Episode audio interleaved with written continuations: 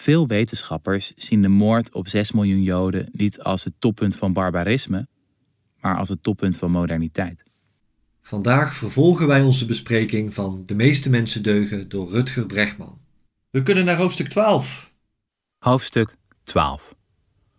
De vergissing van de verlichting.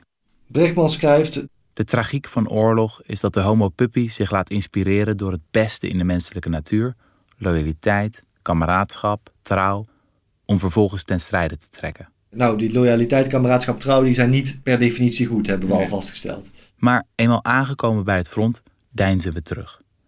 In de hoofdstukken 4 en 10 zagen we dat de mens een diepe afkeer heeft van geweld. Dat beschouwt hij als bewezen. Ja, ja in het algemeen ook. Hè? Eeuwenlang lukte het veel soldaten niet eens om de trekker over te halen. Bajonetten werden al helemaal niet gebruikt. Bajonetten werden al helemaal niet gebruikt. Oh, helemaal dus de bajonet is nooit gebruikt. Ja, ja. Want zonder dat ze die dan allemaal op die eh geweer hebben geschroefd. Hè? ja, ja, inderdaad. Dat ze net zo goed niet kunnen doen. Samenvattend zegt Bregman dan: Het lot van de mens is sindsdien niet veranderd. Ik denk dat we de geschiedenis van de beschaving kunnen samenvatten als één grote worsteling om te leven met onze grootste blunder. We zijn een dier dat uit zijn natuurlijke omgeving is gerukt. Het is weer alsof we het niet zelf gedaan hebben. Ja. Hè? Iets anders, het kwaad of zo, heeft ons uit onze natuurlijke omgeving gerukt. Het idee dat de mens, toen hij nog eh, in een berenvel op herten joeg, in zijn natuurlijke omgeving was. En nu niet meer, vind ik eh, ook een misvatting. De mens deed toen ook al zijn best om zijn omgeving naar zijn hand te zetten. En dat is gewoon steeds beter gaan lukken. En er is geen duidelijke scheidslijn aan te brengen waar de omgeving onnatuurlijk werd. Dat, dat, Klopt. dit landbouw is gewoon één hele belangrijke technologische ontwikkeling geweest. Maar Brechtman wil daar een absolute grens trekken Ja. van natuur en cultuur Ja. of zo. Ik vind dat te ver gaan. Die jagers-verzamelaars hadden natuurlijk ook al cultuur. Ja. En een soort beschaving. Want hè, ook dat, hè, ook beschaving is iets dat, waarvan de prille beginselen zich al voordeden onder die jagers-verzamelaars, lijkt mij. Die, ja, die, die hadden ook al kunst en die grotschilderingen en voorwerpen. Nou, nu komt dan de verlichting. Hè, want eh, het zat allemaal niet mee met die vroege staten. Het was niks dan eh, ellende. En toen, nog maar kort geleden, leek het ineens te lukken om het probleem op te lossen. De verlichting. Wa- Wat was nou de verandering? En toch, zo geloofde deze geleerde, was er een manier om ons egoïsme ten goede te keren. Wij mensen hadden een verbluffend talent, een gave die ons uniek maakte in het dierenrijk. Hier mochten we ons aan vastklampen. Op dit mirakel mochten we onze hoop vestigen. De reden. Geen empathie, geen gevoel, geen geloof, nee, de reden. Als de verlichters ergens op vertrouwden, dan was het de kracht van het verstand. Hij brengt hier een oneigenlijke tegenstelling aan tussen reden enerzijds en empathie en gevoel anderzijds. Ja, ik vind ook dat hij de reden hier niet heel positief afschildert. Alsof de reden een einde maakte aan empathie en Ja, dat is helemaal niet waar. Een van de belangrijkste verlichtingsfiguren is in Nederland wat minder bekend, maar onder juristen is hij Ja. heel bekend. In Italië is hij heel bekend. Dat is de rechtsgeleerde Cesare Beccaria. En dat is de man aan wie we te danken hebben dat het martelen van verdachten tijdens een proces, tijdens het afnemen van een Mm. verhoor, helemaal is afgeschaft. Ja. In het begin van de 18e eeuw was dat nog een soort standaardprocedure. Mm. Aan het eind van de 18e eeuw kwam dat in heel Europa niet meer voor. Mm. En eh, Beccaria heeft een heel belangrijk boek geschreven over delicten en straffen. En hij betoogt daar op rationele gronden dat het verkeerd is om mensen tijdens de verhoren te pijnigen. Mhm. Hij zegt, eh, je test helemaal niet eh, de waarheid. Het brengt je helemaal niet dichter bij de waarheid. Want iedereen heeft evenveel belang erbij om uit te brullen dat hij onschuldig Mhm. is. Het enige wat je test is het vermogen van mensen om pijn te verdragen. Ja. En dus op rationele gronden zegt hij, het heeft helemaal geen zin dat martelen, Ja. we moeten daarvan af. Maar als je dat boek van hem leest, dan zie je dat Beccaria ook zeer geëmotioneerd schrijft over de verschrikkelijke pijn die mensen kunnen ondergaan en dat hij daar eh, een grote afschuw van Ja. Hij was ook, een, was ook een, een tegenstander van de doodstraf. Mhm. Net als die andere beroemde verlichter Voltaire. Dus dat waren mensen die wel degelijk ook hun hart meelieten spreken in harmonie met hun verstand. En overigens, eh, de verlichters die vertrouwden op de kracht van het verstand. Maar ook Bregman lijkt dat te doen, want hij heeft duidelijk wetenschappelijke potenties. Hij probeert alles wetenschappelijk Ja, te onderbouwen. Neem de oudste nationale grondwet van de Verenigde Staten. De Founding Fathers hadden een donker mensbeeld. Ze geloofden dat mensen egoïsten waren die door elkaar in toom gehouden moesten worden. Daarom ontwierpen ze een systeem dat aan elkaar hing van checks en balances. Iedereen moest iedereen controleren. Als verschillende machthebbers, rechts en links, republikeinen en democraten, in verschillende instituties, het congres en de senaat, het Witte Huis en het Hoge Rechtshof, elkaar bedwongen, konden verdorven mensen toch nog in vrede samenleven. De enige manier om corrupte machthebbers in toom te houden, zo geloofden de verlichters, was door andere machthebbers tegenover ze te zetten. In de woorden van de Amerikaanse staatsman James Madison: Ambition must be made to counteract ambition. Dit is een heel wonderlijke passage, omdat Bregman het hier heeft over de manier waarop machthebbers in toom gehouden kunnen worden. Dat is wat die founding fathers in Amerika deden met een systeem van checks en balances. Mhm. Dus Bregman, die in de vorige hoofdstukken zo tekeer gaat tegen de perfide geest van de machthebber, Ja. die zou dus natuurlijk heel blij moeten zijn met dit systeem, want het is de oplossing ervoor. Ja, En ik kan je vertellen, dit is een oplossing waar wij natuurlijk heel erg blij mee zijn. Ja. En dit wordt door Brechtman heel negatief behandeld, als op een zure, wantrouwige manier van Ja. elkaar omgaan, dat het helemaal verkeerd is. Maar dat Ja. is niet zo. Hij is een zwartkijker hier. Hij is hier een zwartkijker. Heel merkwaardig hierbij is trouwens dat hij in het hele boek alleen de founding fathers en checks and balances van de Amerikaanse grondwet noemt, maar niet waar die op gebaseerd is, namelijk de trias politica van Montesquieu. Een van de belangrijkste verlichtingsfiguren Ja. natuurlijk. Een van de belangrijkste ideeën van de verlichting is dat je machten door drie machten te scheiden eh, met elkaar in evenwicht kan houden en daardoor iets heel goeds kan Mhm. doen. Iets waar wij heel blij om moeten Mhm. zijn. En Brechtman zou dat ook moeten zijn. Ik wil Ja. er iets aan toevoegen. Dat eh, Brechtman nu doet eigenlijk alsof de verlichting intrinsiek negatief is. Dat is Mhm. niet zo. Ja. De verlichting doet eh, een beetje wantrouwig, een beetje negatief op de plek waar dat gepast is. Ja. Eh, maar kan ook heel positief doen. En ik geef een voorbeeld. De Franse verklaring van de rechten van de mens. Een van de artikelen daaruit luidt: Je bent onschuldig totdat je schuld bewezen is. Eh, dus dat gaat juist heel erg van positief uit, van vertrouwen. En merk op, en dit mist Brechtman helemaal, Mhm. dat dat wantrouwen, wat hier uit die checks and balance zich uitspreekt, Mhm. dat dat zich richt op het niveau van de staat. En dat doet die verklaring van de rechten van de mens ook. Scheiding der machten wordt er expliciet in genoemd. Heel goed is dat, want de staat heeft al zoveel macht. Dat is op zich goed, maar gevaarlijk. Ja. En dus daar moet je checks en balances hebben. Ja. Daar moet wantrouwen een oogje in het zeil houden. Ja. Omgekeerd, op het niveau van de individuele inwoner Mhm. moet er juist vertrouwen zijn. En moet er juist ruim baan zijn eh, voor mensen om zich te ontplooien, et cetera. Ja. Wat Brechtman hier doet, is precies zijn pijlen richten op het verkeerde doel. Vervolgens erkent Brechtman wel dat de verlichting heeft geleid tot een veel prettigere samenleving. Hoe dat mogelijk is als de verlichting gebaseerd was op zo'n overdreven negatief mensbeeld, behandelt hij niet. En daarna gaat hij alsnog de genadeklap uitdelen. Laten we eerlijk zijn. De verlichting kent ook een schaduwzijde. In de afgelopen eeuwen hebben we evengoed gezien dat het kapitalisme op hol kan slaan, dat sociopaten aan de macht kunnen komen en dat de menselijke maat verloren gaat als regels en protocollen de samenleving overheersen. Historici wijzen er bovendien op dat niet alleen gelijkheid, maar ook racisme een uitvinding is van de verlichting. In de 18e eeuw gingen filosofen de mensheid voor het eerst onderverdelen in rassen. David Hume schreef bijvoorbeeld: Ik denk dat negers van nature inferieur zijn aan witten. Zijn Franse collega Voltaire stemde in. Als hun denken niet van een heel andere aard is dan dat van ons, dan is het in ieder geval zwaar minderwaardig. Mijn intuïtie was altijd al, die verlichte denkers, die waren eigenlijk het startschot voor de uiteindelijke afschaffing van de slavernij. Ja. Die kunnen toch niet de uitvinder zijn geweest van het racisme. Ja. Die kunnen er racistische ideeën op nagehouden hebben. Maar dat is iets anders dan racisme uitvinden.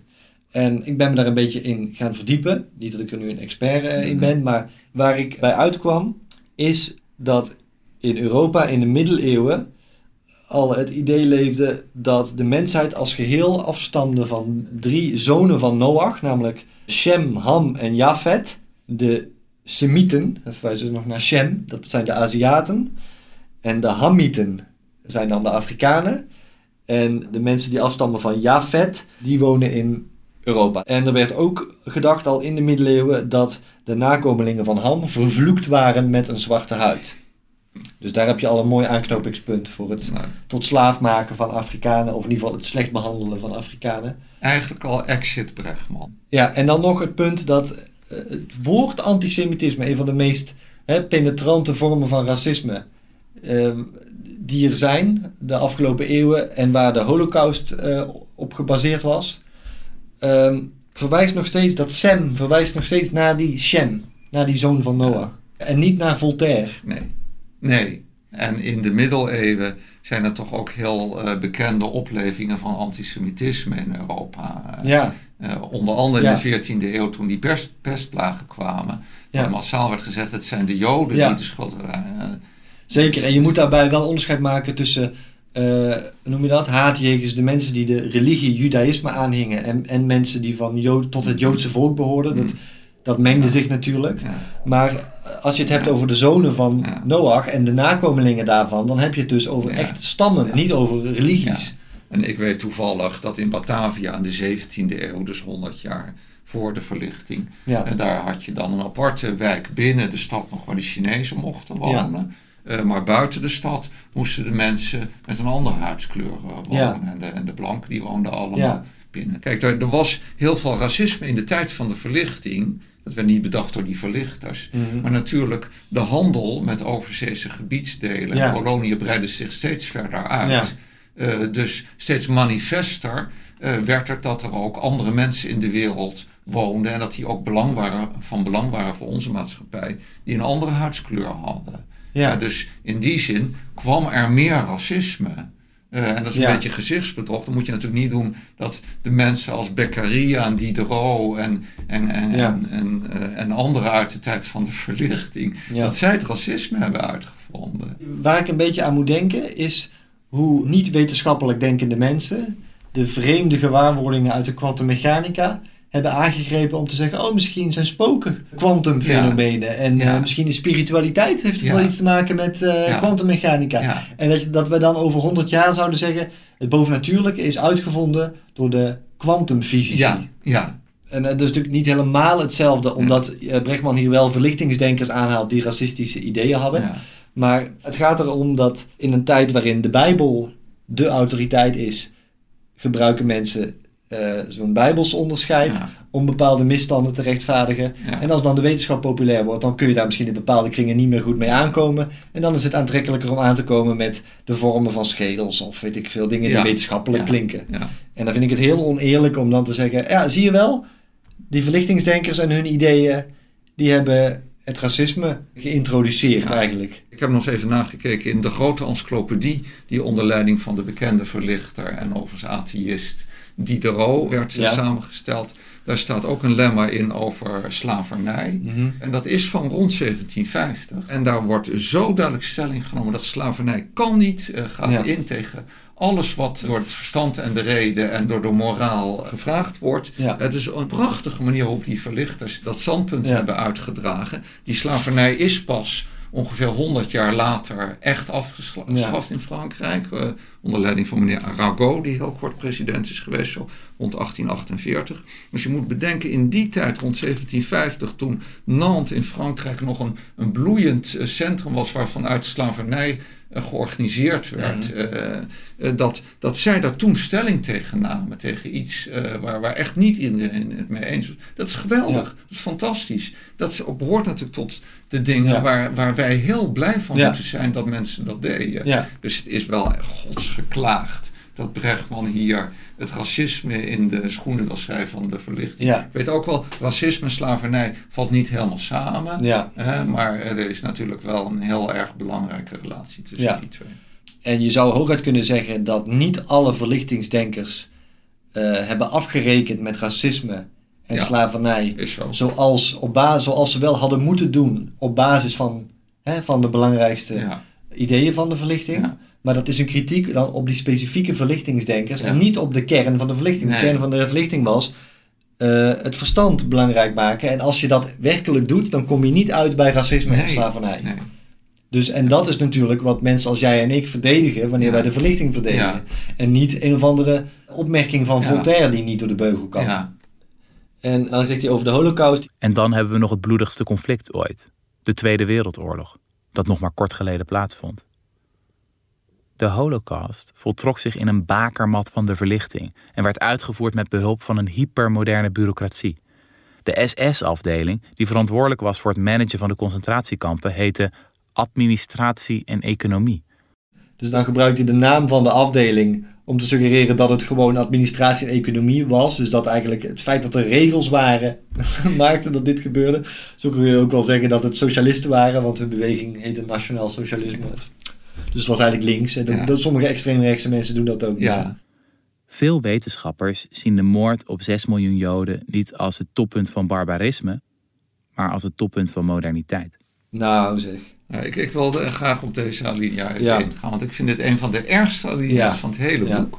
Dat hij in één zin noemt hier de holocaust en de verlichting. En hij suggereert, hij zegt, er voltrok zich in de bakermat van de verlichting alsof er een relatie tussen die twee is. Ja. Terwijl het natuurlijk zo is dat die holocaust zich daar voltrok ondanks de verlichting. Ja. Dat de nazi-ideologie juist helemaal niet in overeenstemming was met de verlichting. Dat de nazi's Ja, ja. juist niets moesten hebben van scheiding van machten. Dat ze niets moesten hebben van eh Beccaria, eh, eh, van dat je niet mocht martelen, van dat de doodstraf verboden was. Dat mensen onschuldig waren tot hun schuld be- bewezen werd. Al die dingen uit... eh, uit Censuur, kritiek verboden. ja, al die dingen die waar de verlichting voor stond, die, daar wa- dat was juist, de nazi's vielen juist terug Ja, naar een ja. tijd van voor de verlichting. Duitsland is inderdaad een bakermat van de verlichting. Ik denk samen met Frankrijk, zijn trouwens ook een paar Engelse denkers Mhm. die, die daar belangrijke bijdrage aan geleverd hebben. Maar het is natuurlijk schandalig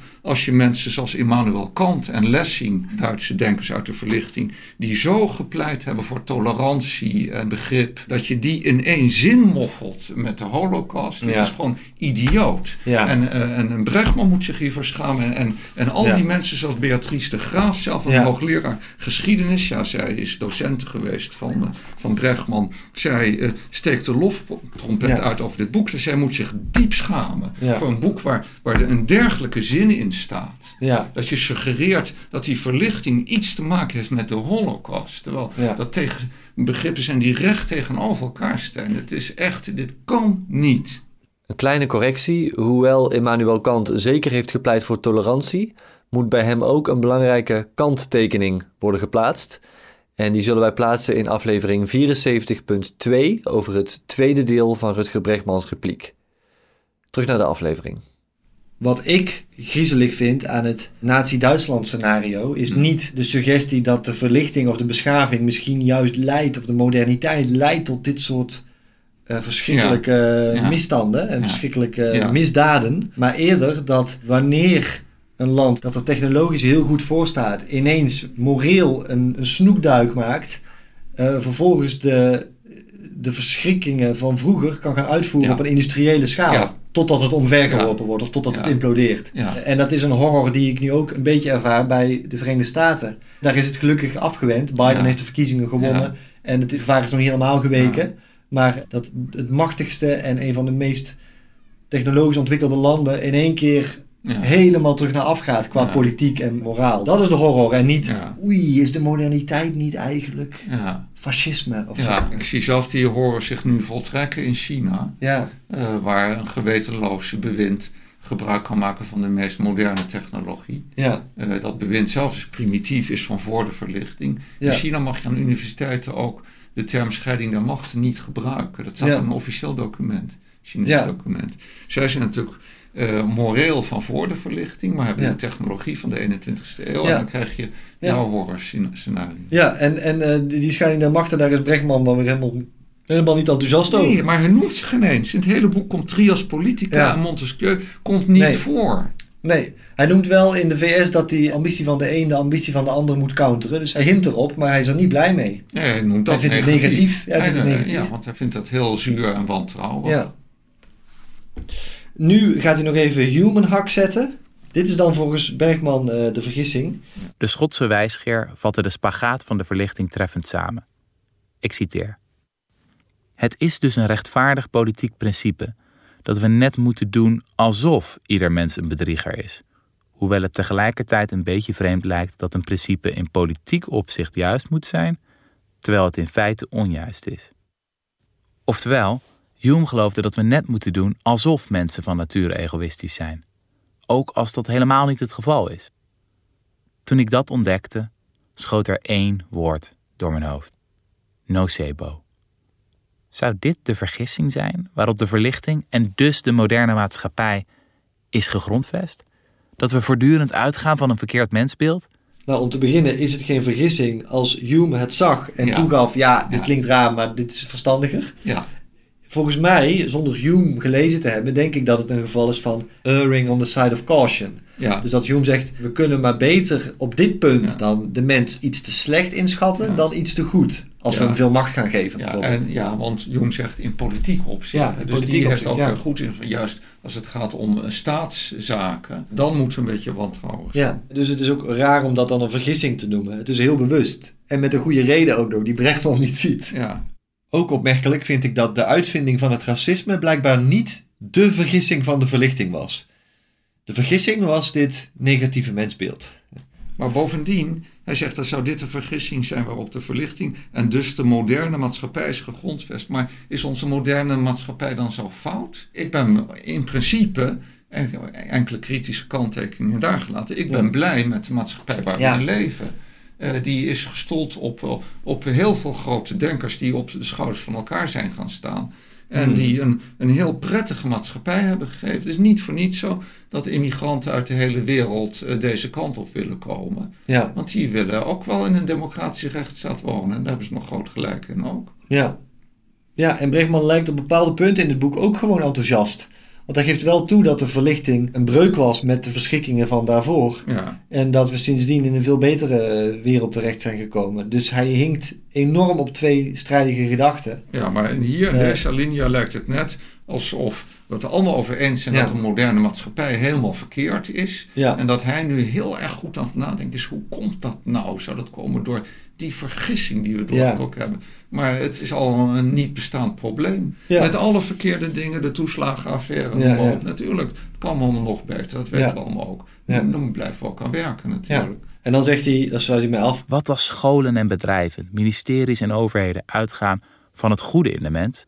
Alsof dat nu helemaal nog niet het geval is. Natuurlijk is het niet zo dat er voortdurend van uitgegaan wordt dat we het slechte willen. Ja, Nou, nou, dan kom ik nog een keer terug op dat je, je blijft onschuldig dat je schuld bewezen is. En iets Ja. anders trouwens wat Beccaria ook heeft eh, geïnitieerd is eh, dat je alleen gestraft kan worden voor iets wat voorafgaand in de wet omschreven werd als strafbaar. Wat ook een heel goed relaxed eh, principe is, waardoor niet mensen zomaar opeens vogelvrij zijn en gestraft kunnen Ja. worden. Er zijn heel veel dingen zijn heel goed geregeld op een hele positieve manier. Ja. Nu doet Brechtman nog eens, tadam, ik heb het. We Ja, gaan het anders doen. We deden het allemaal helemaal negatief.